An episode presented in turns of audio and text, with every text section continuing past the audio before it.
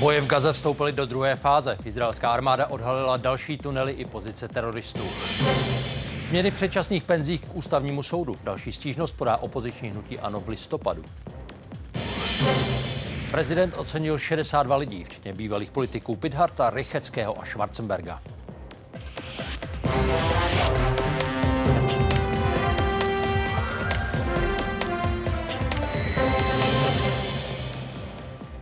Poslední říjnová neděle a její události. Jsme rádi, že se díváte. Oba s Michalem přejeme dobrý večer.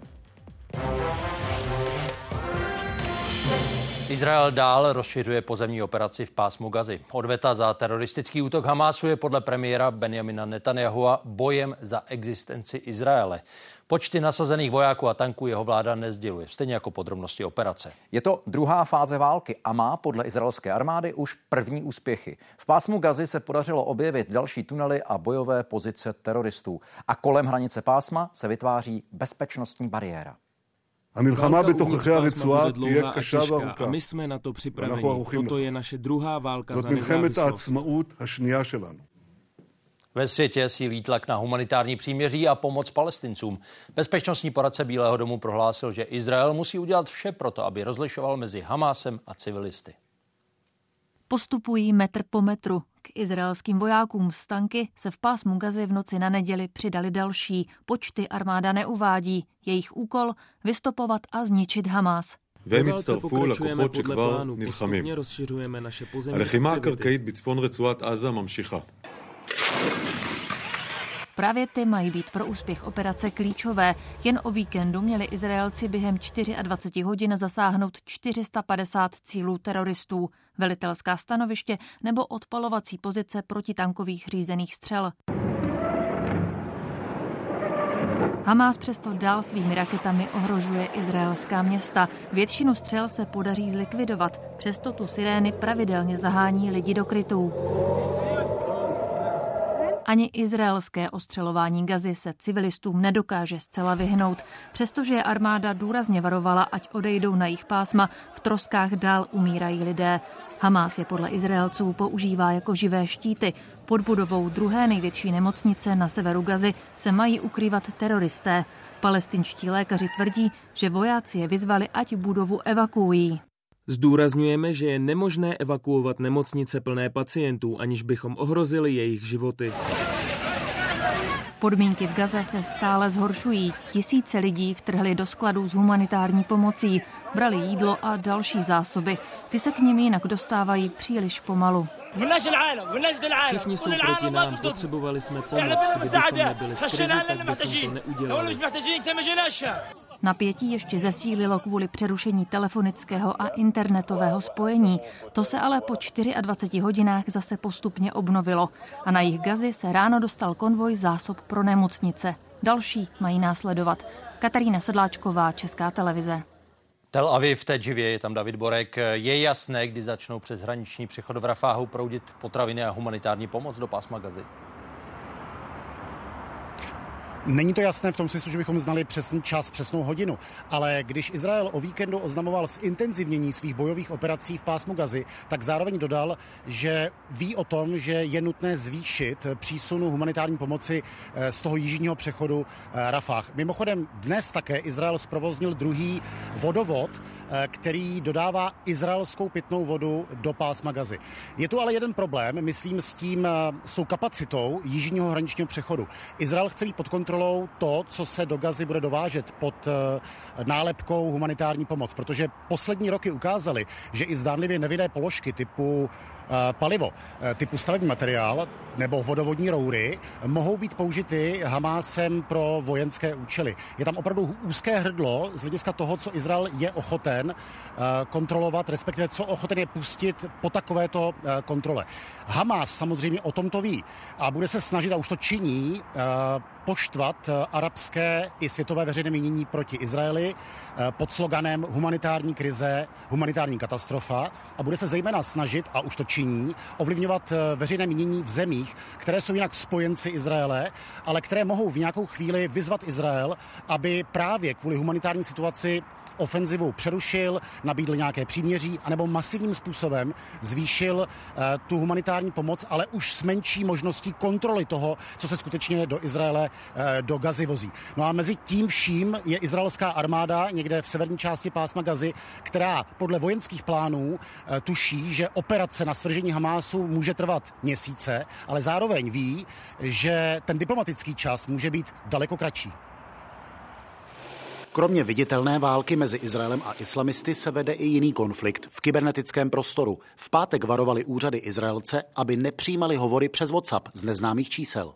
Several days ago, um, Israel claims that they received um, phone calls from different states, uh, unknown phone calls from unknown numbers that uh, they just rang and hanged. Probably there is uh, intention either to create fear or an anxiety Může jít ale i o pokus o heknutí mobilů. Tal Pavel sám obdržel podobný hovor z Indonésie.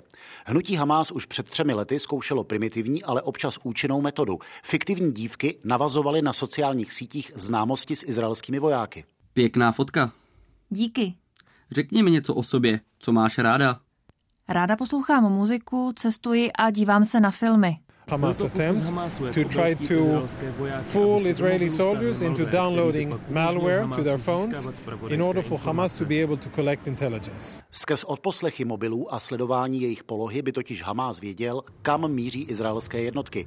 Společnosti Google a Waze teď i kvůli tomu přestali v Izraeli zobrazovat data o intenzitě dopravy.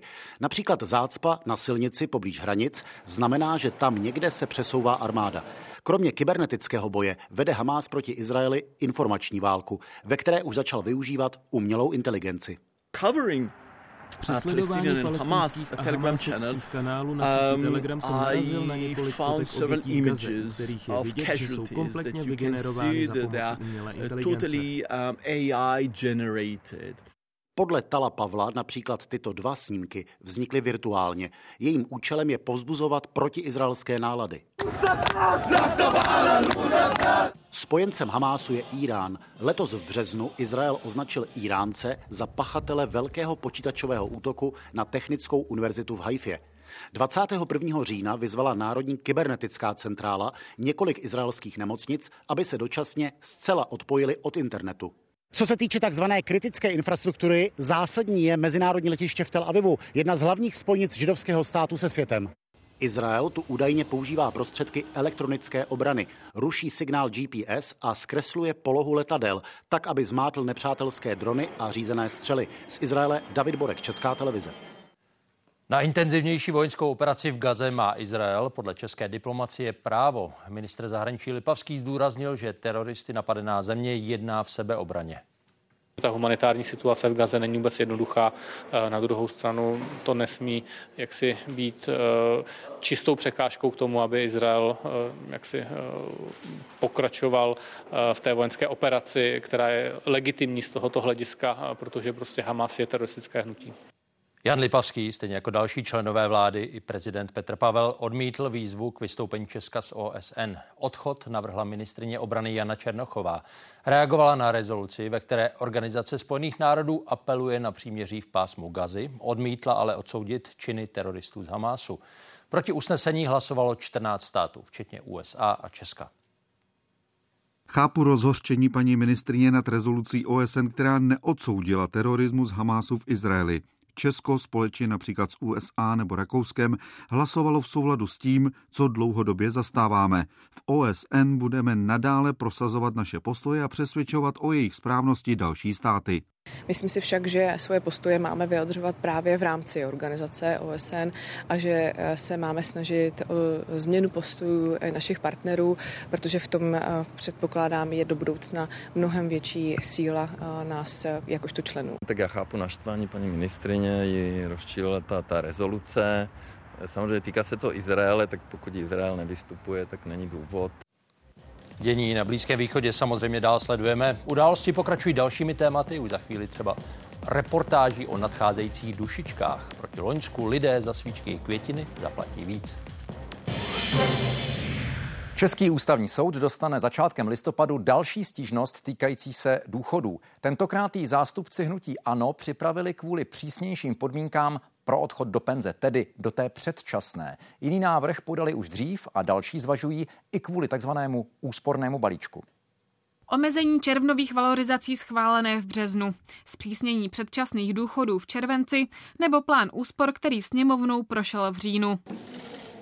Tři návrhy, se kterými má opozice problém a zároveň upozorňuje, že problematické bylo podle nich i jejich schvalování ve sněmovně. Je tam bezprecedentní porušení procedury. Myslíme si, že už opravdu je na čase, aby nějaká autorita, a tou autoritou je jedině ústavní soud, řekla pěti koalici dost. Při schvalování návrhů například koalice omezila řečnickou dobu nebo stanovila pevný čas hlasování. Zároveň si její zástupci hájí tím, že opozice měla na svá vystoupení času dostatek. Vždycky důsledně dbáme jako vládní většina v parlamentu na to, aby ta diskuze byla dostatečně dlouhá, aby byla možnost se vyjádřit. Mně trošku přijde, že hnutí ano v okamžiku, kdy vlastně není prosazen jejich názor, tak vlastně velmi často začíná využívat ústavní stížnosti, ale nicméně já chci říct, že je to právo, mají na to dostatek počtu poslanců. Návrh na zrušení části zákona, který omezil zvyšování penzí od června zhruba o tisícovku, podali zástupci opozice v květnu.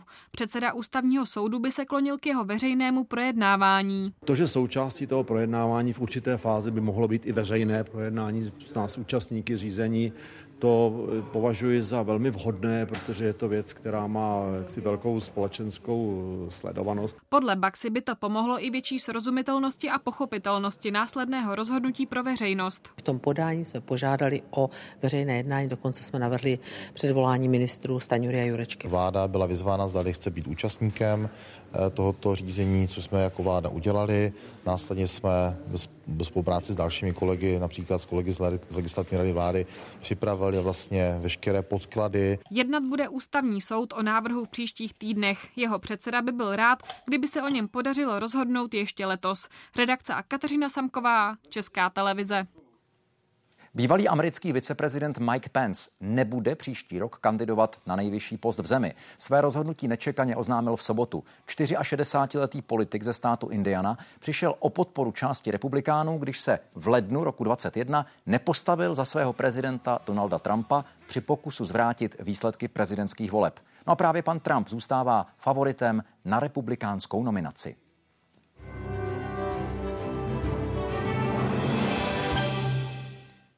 Udílením státních vyznamenání včera večer vyvrcholily oslavy z tého pátého výročí vzniku samostatného Československa. Prezident Petr Pavel v projevu řekl, že za jedny z největších úspěchů tuzemské novodobé historie považuje vstup do EU a NATO. K pozitivnímu pohledu do budoucnosti nepřispívá válka, kterou proti Ukrajině vede Rusko, ani islamistický teror, na který musí reagovat Izrael. My však dnes máme to nejpevnější bezpečnostní ukotvení, jaké jsme kdy v naší historii měli. Prezident ocenil celkem 62 osobností. Nejvyšší vyznamenání řád Bílého lva obdrželi i předseda republikové vlády z období federace a později první šéf Senátu Petr Pithart, někdejší dvojnásobný ministr zahraničí Karl Schwarzenberg a též Pavel Rychecký. Ten strávil sedm let v různých vládních funkcích a 20 let vedl ústavní soud. Prezident republiky propůjčuje řád Bílého lva občanské skupiny první třídy panu doktoru práv Pavlu Rycheckému. Nejvyšší státní vyznamenání pro ještě donedávna předsedu nejvýše postaveného soudu v Česku. Vyslechněte nález ústavního soudu. V jeho čele stál Pavel Rychecký 20 let. Předtím byl senátorem, ministrem spravedlnosti, generálním prokurátorem i místo předsedou vlády. Jde o to, aby lidé měli pocit, že v této zemi má smysl žít, a žít v této zemi není obětí, která je neúnosná. V listopadu 1989 spolu zakládal občanské fórum. Proti komunistickému režimu ale vystupoval už předtím. Opustit proto musel justici i právnickou fakultu. Svazek, který si na něj vedla STB, má bezmála tisíc stran. Tady je hezký záznam o tom jednom z výslechů, který se mnou vedli. Dále uvedl, že všichni jeho přátelé už na STB byli. On sám je prý i rád, že už na něho došlo, neboť to jej svým způsobem utrzuje v tom, že mezi své přátele patří. Jeho přítelem je řadu let Petr Pidhart, mimo jiné signatář Charty 77, první polistopadový předseda české vlády i první šéf Senátu. Ústava nám ukládá povznést se poněkud na denní politiky. Právě na textu ústavy společně s Pavlem Rycheckým před sametovou revolucí pracovali. Měli jsme ji skoro hotovou, když přišel, přišel ten převrat. Pavel to bral strašně vážně. A symbolicky společně taky oba převzali nejvyšší státní vyznamenání. Petru Pidhartovi za zvláště vynikající zásluhy o stát v oblasti politiky. Strašně si to vážím o to víc, že jsem byl nadšený podporovatel paní Danoše Nerudové. Teď jsem se dočkal něčeho, čeho si vážím skutečně nejvíc a to je našeho českého nejvyššího ocenění. Nejvyšší řád propůjčil prezident taky Karlu Schwarzenberkovi. I on před revolucí bojoval proti totalitě. Jako předseda Mezinárodního helsinského výboru pro lidská práva podporoval dizidenty ve východním bloku. Mi nepřísluší posuzovat chování před rokem 89, poněvadž jsem zde nežil. Po sametové revoluci byl senátorem i šéfem diplomacie. Dva roky působil taky jako kancléř prezidenta Václava Havla.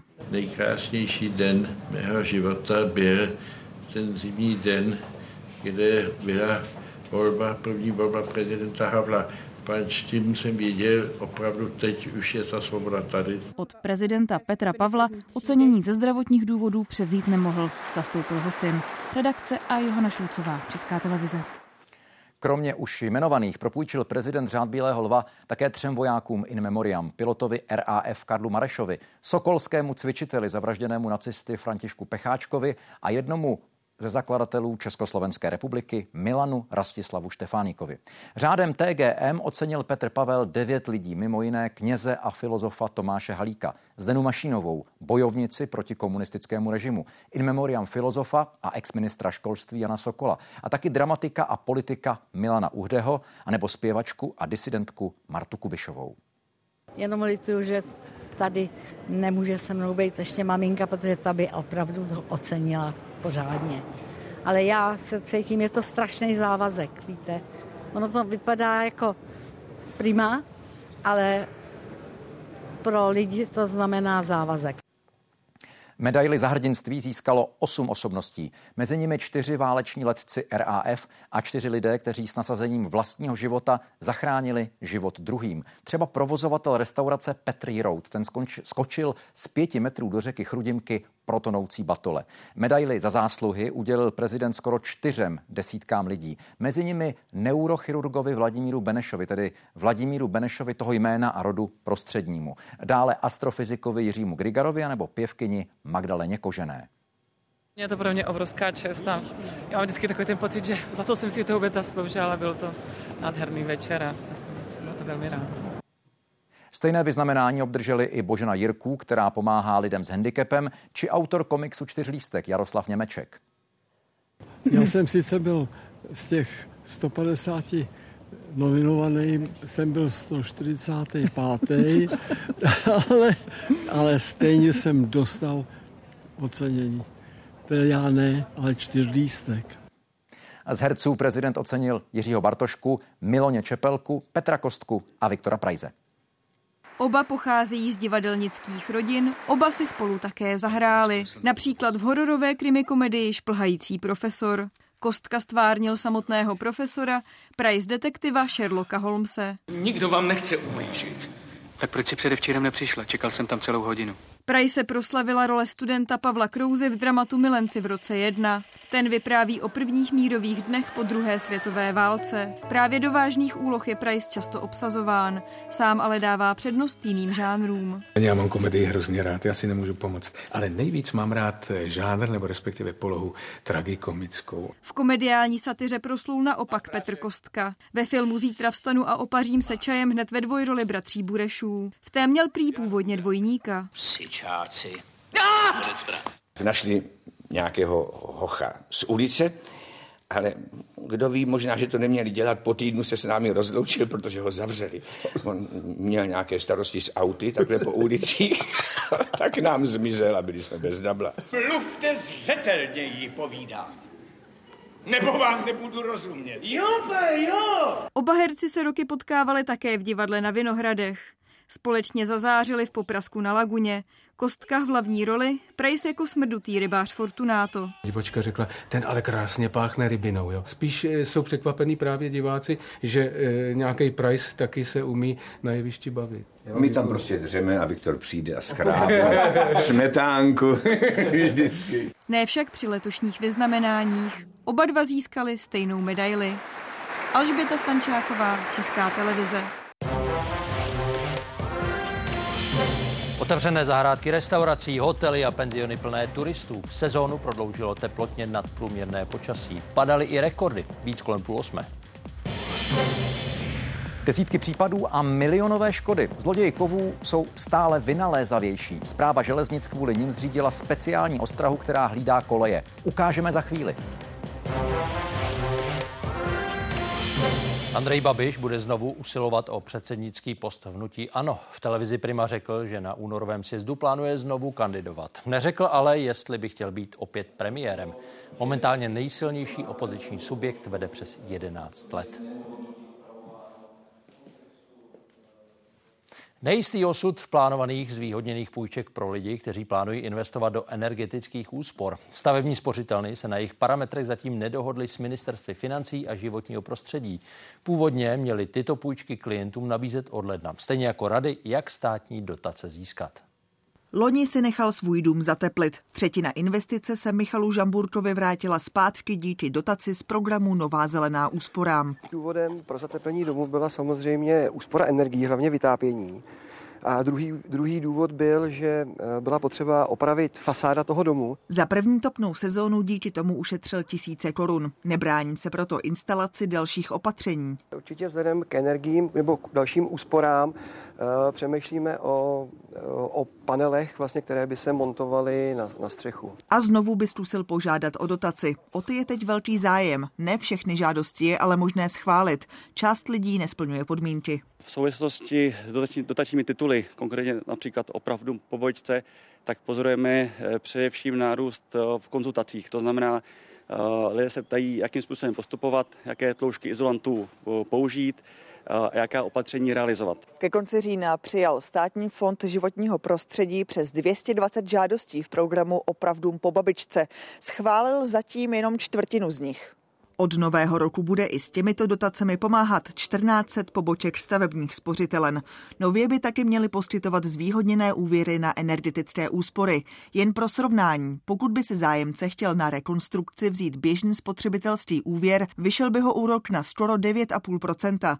Stavební spořitelny už teď poskytují půjčky na stejný účel zhruba o 3% body levněji. Ministr životního prostředí si úrok u nového zvýhodněného produktu představuje okolo 4 4%. Není ale jasné, kdo takové zvýhodnění zaplatí. Je to o kombinaci vlastně finančních prostředků, jak státních, tak vlastních zdrojů stavebních spořitelen a díky tomu jsme schopni eh, přinést eh, tento výhodný úvěr. Ale není to tak, že byste jim něco dodotovávali ty úrokové sazby? Ne. Hovořilo se třeba o tom, že by peníze mohly jít z Národního plánu obnovy. To ale odmítlo ministerstvo financí. Nyní se vedou diskuze o možnostech alternativního zdroje pro případné úvěrování občanů. Otázka úrokové sazby bude řešena až ve vazbě na konkrétní zdroj případného financování. Aktuálně jsme ve velmi intenzivní diskuzi s ministerstvem životního prostředí. Za sektor stavebních spořitelen eh, budeme stoprocentně připraveni.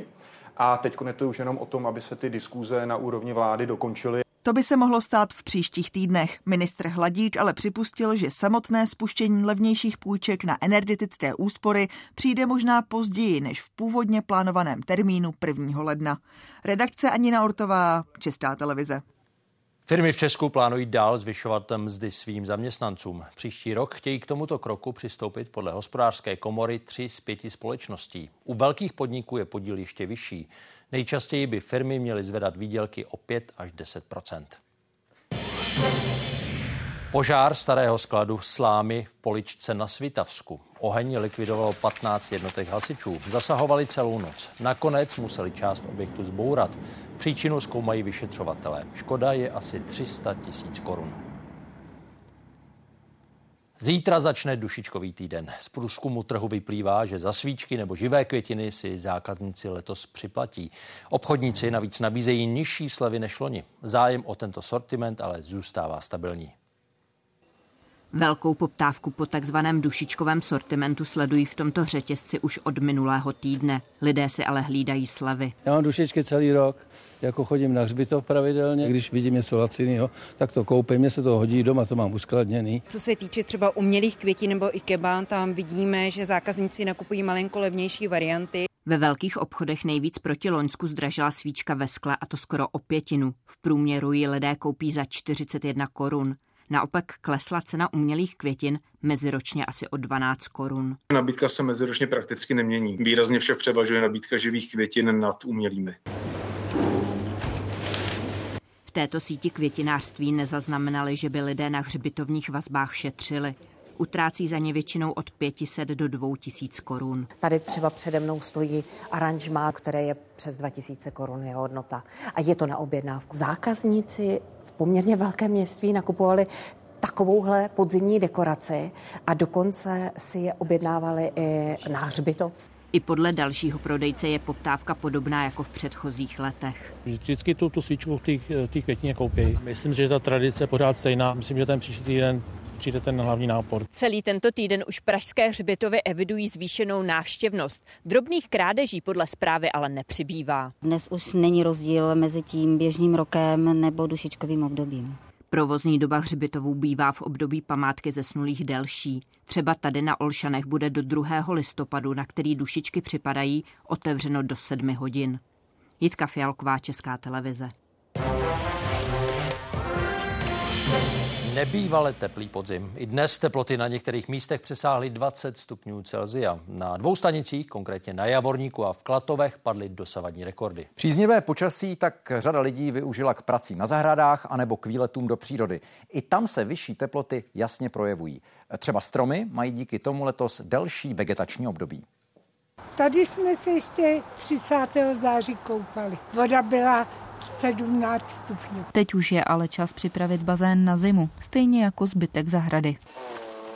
Havelkovi obvykle začínají s těmito pracemi už v září. Letos je díky teplému počasí posunuli o pár týdnů. Nejkrásnější bylo asi to vyřezávání. To, to se nadřel manžel. Tady tyhle ty všechny vyřezat a tamhle máme ploty. Sousedé opodál uklízejí listí. Jaroslav Drchal s tím ještě počká. Hodně jich ještě drží na stromech. Kolik toho tak pak máte? To musíte halda, ne? Nákladák. Barvami stále hrají i ostravské parky. Převládá žlutá a stále se objevuje i zelená. Záleží to právě na slunečním svitu. A protože letos je podzim teplý a svítí sluníčko, eh, tak oni pořád vegetují. Většinou se listí začíná barvit už začátkem října a letos tomu bylo až ve třetím říjnovém týdnu. Tady máme plné kapsulu peníze. že? Natáku, co tady tu vezmeme tuhle Stovky Pražanů za víkend s dětmi trávili v botanické zahradě na výstavě dýní. Všechny jdou pryč. Jednu si tam vyřezala i dcera Hany Holasové a její kamarádka. Můžeme se projít tam, když tak. Domů potom nespěchají a procházejí venkovní část výstavy. Je tady krásně jako počasí, příroda, kytky. Co s těma dýněma, kam půjdou? Já ji asi dám buď do pokoje nebo na balkon. Kromě dýní si v zahradě prohlížejí i květiny. Většina z nich navzdory teplejšímu počasí odpovídá vegetační fázi, ve které by zrovna měla být. Kvetou už jen trvalky. Díky nadprůměrným teplotám tady ale v říjnu rozkvetl třeba eukalyptus. Jeho hlavní sezóna je právě teď v Austrálii. Tady ale takto výrazně nakvetl vůbec poprvé. Momentálně češem Goldena. To květy těchto jabloní na jaře nestihly kvůli chladu opilovat včely. Teplý podzim už nepomohl. Sklizeň tak bude horší. Je to v porovnání s ostatníma rokama výrazně nižší, myslíme si, že tak zhruba o 30% Zatímco tady dnes brigádníci sklízeli v Čepicích, trhovci na východě republiky mohli svršky spíš odkládat. V Olomouci bylo dnes kolem poledne 14 stupňů. Vzhledem k blížícím se dušičkám tak pěkné počasí využili stovky lidí k návštěvě hřbitovu. Nepamatuju, že by bylo takhle teplo někdy. Byla jsem zvyklá zmrznout vždycky na kost. Vydržet by to tak mělo až do svátku zesnulých. V úterý ale hrozí, že zmoknou. Redakce a Denisa Kotková, Česká televize. Rekordy padaly alespoň na části meteorologických stanic tento měsíc hned několikrát. Vůbec nejteplejším dnem bylo úterý 3. října. V Dobřichovicích a Doksanech chyběly jen dvě desetiny stupně k překročení tropické třicítky. Historicky nejvyšší říjnovou denní teplotu z roku 1929 to ale nepřekonalo. Byla ještě o půl stupně vyšší. Oproti obvyklému říjnovému počasí je vidět, že v prvních třech týdnech měsíce byly teploty nadprůměrné. V prvním říjnovém týdnu bylo o 2,5 stupně tepleji, ve druhém dokonce o 3,5 stupně. Pokračuje tak trend z počátku podzimu. Už září bylo tím vůbec nejteplejším od roku 1961. Průměr dosahoval 16,5 stupně. Naopak nejchladnější září s necelými 10 stupni připadá na rok 1996. Po nadprůměrně teplém září bude s velkou pravděpodobností nadprůměrně teplý i říjen. Konec října má vysoké teploty i nad 20 stupně Celzia. Na začátku listopadu se začne slabě až mírně ochlazovat, ale i tak zůstanou teploty nad dlouhodobým průměrem. No a právě příjemné počasí prodlužuje logicky i turistickou sezónu. Hlavně víkendové výlety jsou stále oblíbené. Sehnat na poslední chvíli ubytování v atraktivních lokalitách je téměř nemožné. To je třeba případ Jižní Moravy. Lidi lákají vinařské akce, burčáky a teď i mladá vína. Velké Bílovice na Břeclavsku. Koncentrace, výstřel a start. Věteřov na Hodonínsku. Zpěv, kroje a tanec. Vše mezi vinicemi a s vínem. Přijeli jsme už včera, chtěli jsme spojit příjemné s užitečným, jsme sportovci, máme rádi Jižní Moravu, je tady krásně, je potřeba využít babí léto, dokud je tak eh, pěkné počasí. Podle provozovatelů ubytování Jižní Morava na podzim táhne čím dál víc.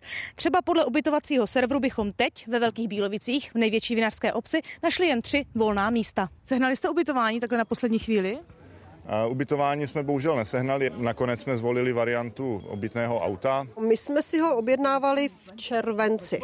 V červenci, ale my jsme teda nejsme přímo ve Velkých Bílovicích, my jsme ve Velkých Pavlovicích, takže tam to bylo trošičku jednodušší. Jak to máte z obsazeností v hotelu? No tak e, každý víkend teďka máme až do listopadu, dá se říct, plno. Až do konce listopadu. Do konce listopadu, no. Teďka budou ty huse, že, svatomartinská. Ten podzim bezpečně láká turisty. Řekla bych, že i mnohem více jak letní měsíce, protože tady mohou obdivovat tu barevnou škálu těch zbarvených listí vinic a samozřejmě burčáky a potom je budou lákat i mladá vína. Právě akce jako hody, vinobraní závody nebo svatomartinské slavnosti přilákají do jihomoravských obcí vždy nejvíc turistů. V zimních měsících tady tento ruch, cinkání skleniček, utichne. Barbara Háková Žítková, Česká televize, Břeclavsko a Hodonínsko. O teplotně příjemném podzimu je to vše. Dál Anděl páně. Oblíbená pohádka se z televize přesunula na jeviště Karlínského divadla jako muzikál s Jiřím Kornem v roli Boha. Ukážeme v závěru události. Zpráva železnic zřizuje vlastní ochranou službu. Reaguje tak na množící se krádeže barevných kovů. Hlídky se snaží být v terénu 24 hodin denně. Spolupracují s policií.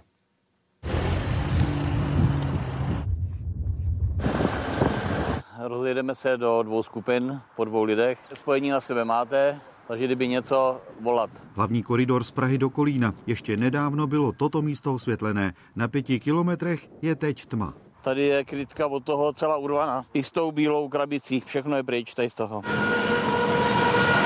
Většinou chodí v noci v všelijakých různých časech a tohle, že to monitorujeme pořád. Tuhle noc hlídka zjišťuje, že zloději posouvají hranice svých možností. Když se pám nahoru, tak ten kabel je vyzrhaný až, až úplně ze zhora od té lampy, protože ty, ty trubice, ve kterých vedou kabely, jsou prázdné. Polezou nahoru budou to řezat až nahoře. Případ, který ukazuje, že se zloději kovů před ničím nezastaví. Zadrželi jsme několik osob, chytli jsme přímo příčinu, používali šroubováky, kleště, sekírky, a brání pilky. se? Tak některý se brání, některý se zarazí. K dnešnímu dni máme 47 případů a škoda je tam bezmála 7 milionů korun. Zloději se ke kabelům od osvětlení i prokopávají a používají nejrůznější nářadí. Je to, je to popruh, který se uváže ke kabelu Tohle to se zahákne na nějaký hubsuk nebo na něco a ty kabely se dají tahat ven. Měď vyřezávají jen pár metrů od kolejí. Tohle je práce zlodějů za tři měsíce. Měli jsme i kabely od výřevu, to jsou kabely, které vyhřívají vyhybky. Říkáme to na úseku 3-4 kilometry. Zatím se podařilo zadržet 17 zlodějů. Například polský gang na Ostravsku ukradl měď na sedmi kilometrech ze záložního trakčního vedení. Teď je čeká soud. I kvůli tomu vznikají tyto speciální hlídky právě na vyhledávání, na přípravu krádeží těchto materiálů, tak aby jsme mohli na to reagovat, aby nedošlo k ohrožení právě železniční dopravní cesty. Aktuálně škody ukazují, že intenzita krádeží barevných kovů se stupňuje. I proto zpráva železnic uvažuje o navýšení počtu hlídek. Richard Samko, Česká televize. Na 42 už stoupil počet obětí sobotního požáru v uhelném dole Kostěnko v Kazachstánu. Čtyři horníci se pohřešují a záchranné práce na místě stále pokračují. Neštěstí zřejmě způsobil výbuch metanu. Důl je vážně poškozen. Počet obětí hurikánu Otis v mexickém letovisku Acapulco stoupl na 43. Deset lidí se pohřešuje. Hurikán zasáhl Tichomorské pobřeží ve středu nečekanou silou. Škody se odhadují v přepočtu na víc než 230 miliard korun. Obyvatelé měli nouzi o vodu a potraviny. Drancovali obchody. 17 tisíc vojáků a policistů pomáhá ve městě hlavně s úklidem. Acapulco je zničené. Od obytných čtvrtí po grandiozní hotely zkáze neunikla žádná část letoviska. 80% hotelů, které město živí, utrpělo škody. Hurikán ale dopadl i na půl milionu obyčejných domácností. Lidem nešel prout, neměli vodu ani potraviny. V pátek se vydali do ulic a dožadovali se pomoci. Evakuaci turistů protahovaly zatopené příjezdové silnice a dva dny nefungující letiště. Při žádosti o pomoc na základně námořnictva jim doporučili rabování. Drancování obchodů se rozběhlo ve velkém. Mizely hlavně potraviny, ale i spotřební zboží. Policie tomu nebránila. Es imposible no, no, decubrir esto de los saqueos. Es una situación que se lamenta. Vodu, tuňáka, majonézu, to si mohou vzít, ale Eso sí se puede llevar, pero ya, por ejemplo, electrodoméstico, lo que no está dentro de la canasta básica, no se puede llevar. Otis na pobřeží Jižního Mexika udeřil ve středu nečekaně. Předpovědi počítali, že se v Pacifiku odkloní. To se ale nestalo. Během 12 hodin zesílil na hurikán nejvyšší páté kategorie a zdejší nejhorší zaznamenanou bouři. Rychlost větru přesáhla 260 km v hodině. Vysoký počet obětí a zkáza se staly politickým tématem. Prezident obvinil opozici, že problémy Acapulka zveličuje, aby ho poškodila před volbami plánovanými na příští rok. Milada Megrátová, Česká televize. Zemřel americko-kanadský herec Matthew Perry. Bylo mu 54 let. Proslavil se zejména rolí Chandlera Binga v seriálu Přátelé. Hercovo tělo našli podle amerických médií ve Výřivce v jeho domě v Los Angeles. Mnoho let bojoval se závislostí na lécích a alkoholu. Přípravky na vysoký krevní tlak nebo cukrovku. I ty se podle Ústavu pro kontrolu léčiv objevují na černém trhu. Nejčastěji je nekalí prodejci inzerují na internetu. V týdnu stát varoval před padělky léku Ozempik. Lidé je mají odevzdat a podezřelé nabídky hlásit. Tlak vám měří, dneska předpokládám. Ano, tak. Kolik jste měl? 140 na 90. Cukrovka se u něj prý rozvinula vlivem stresu z náročné operace. Na pravidelné kontroly do centra diabetologie dochází Herbert Muše třetím rokem. Hned při první návštěvě mi byl předepsán Ozempik, což je injekce jednou týdně, kterou si píchám. Tady se nastavuje dávka a vlastně ten pacient potom jenom sundá tady tu krytku. Většinou se to podává do podkožního tuku někde v oblasti břicha. Já jsem skutečně Ozempik předepisoval jenom pacientům, kteří měli cukrovku. Nicméně tam je samozřejmě ten efekt jednak na cukrovku, jednak na snížení hmotnosti. Právě rychlé hubnutí bylo důvodem, proč si přípravek oblíbily i některé celebrity a spustili ohromnou vlnu zájmu. A léku kvůli tomu bylo v posledních měsících nedostatek. Příležitost pro nekalé prodejce. V Rakousku se objevil padělek Ozempiku. Obsahuje jinou účinnou látku a může vyvolat jako reakci, která může skončit až, až umrtím toho pacienta a ti pacienti, kteří vlastně ho takto užili, tak vlastně jsou hospitalizováni. Nejen léky na hubnutí. Na černém trhu se podle Suklu objevují i další padělky, třeba Viagry, antikoncepce nebo antidepresiva. Vše zdraví nebezpečné. Stačí přitom dodržovat základní pravidlo. Léky na předpis jedině v lékárně. Tam mají pacienti vždycky zaručeno, že dostanou ten přípravek, který mají mít, že opravdu praví bez nějakých problémů. To samé platí i pro Ozempik. Pro vážně nemocné pacienty by ho v lékárnách mělo být dost. S dodávkami léku Ozempik do Česka by podle ministerstva zdravotnictví minimálně půl roku neměl být problém. I nadále ale platí omezení. Lékaři ho mohou předepsat pouze diabetikům a lékárny ho mohou vydat v množství, které vystačí na 10 týdnů. Klára Ješnová, Česká televize. Policie upozornila, že stále pátrá po Tomáši Čermákovi, který si má za výzvyk násilí vůči politikům odpikat pět a půl roku ve vězení. Mezinárodně hledaný muž se teď objevil na internetovém videu. Drží ruskou vlajku a naznačuje, že právě do této země utekl. Záznam už analyzují kriminalisté. Ceny bytů a domů v Německu klesají. Ve srovnání s loňském téměř o 10% Je to největší propad od roku 2000. Bydlení sice zlevňuje, kupců ale zatím nepřibývá. Hlavně kvůli drahým hypotékám a taky inflaci. Byty v Německu jsou nedostatkovým zbožím dlouhodobě. Podle odhadů jich chybí v celé spolkové republice na 700 tisíc. Vláda kancléře Olafa Scholze stavět chce, a to ve velkém. Naším cílem je 400 tisíc nových bytů, z toho 100 tisíc dotovaných a dostupných bytů. Tohoto cíle se nadále držíme. Jenže se nestaví ani to, co se postavit mělo. Největší německý pronajímatel bytů, firma Vonovia, letos v létě oznámila, že kvůli stále rostoucím stavebním nákladům zastavuje projekt na výstavbu 60 tisíc nových bytů. Nedostatek bytů na trhu ale neznamená, že jejich hodnota roste. Přestože poptávka je stále vysoká, kupců je málo. Die Schwierigkeit, eine bezahlbare Wohnung zu finden, die hat mittlerweile auch schon die Mittelschicht erreicht. Und deswegen glaube ich, gibt es ganz wenige, höchstens diejenigen, die nie ein Problem haben, welche Preise aufgerufen werden, äh, die sich nicht darüber Gedanken machen müssen. Koupit si vlastní nemovitost je složitější i proto, že se podmínky hypoték zásadně změnily. Klienti musí bance doložit vlastní kapitál a 20, 30, 40 tisíc eur to nenašetřím ze dne na den. Propad cen nemovitostí je prostě důsledkem toho, že lidé, kteří si teď chtějí koupit nemovitost, musí samozřejmě déle čekat, než budou mít dostatečné prostředky. S propadem cen tato realitní kancelář v centru Berlína počítala, že bude tak velký, ji ale překvapilo. Nastoupila paralýza a šok. Od té doby jdou ceny v Německu dolů, v některých případech až masivně. Spolková vláda nadále chce, aby se stavělo více a také levněji. Zvažuje proto, že developerům a ostatním stavitelům rozvolní předpisy, které výstavbu příliš prodražují. Z Berlína Pavel Polák, Česká televize. Zákon o zbraních a střelivu míří ve sněmovně do druhého čtení. Mění některé kategorie i pravidla pro střelecká oprávnění. Zbrojní průkazy v klasické podobě už ale nebudou potřeba. Flobertky, zbraně, které nová pravidla zařadí do jiné kategorie. Pro jejich pořízení bude nutné mít zbrojní oprávnění. Je to zbraň, která sice vystřelí, ale ten efekt je tak eh, minimální, že to bylo právě určené pro střelbu v místnostech. Změnu kritizují někteří zástupci majitelů zbraní. Pokud vlastně to bude pouze na zbrojní průkaz, eh, lidem se nevyplatí takovéto zbraně vůbec kupovat, nabývat. Nová kategorizace částečně vychází z implementace směrnice Evropské unie.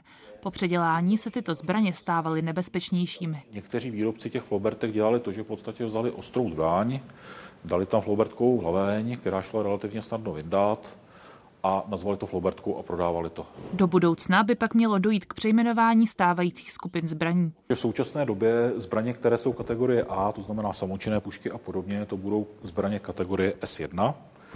Zbraně kategorie A1 budou zbraně kategorie S2. To jsou ty předělané pušky, eh, pušky s dlouhými zásobníky a podobně.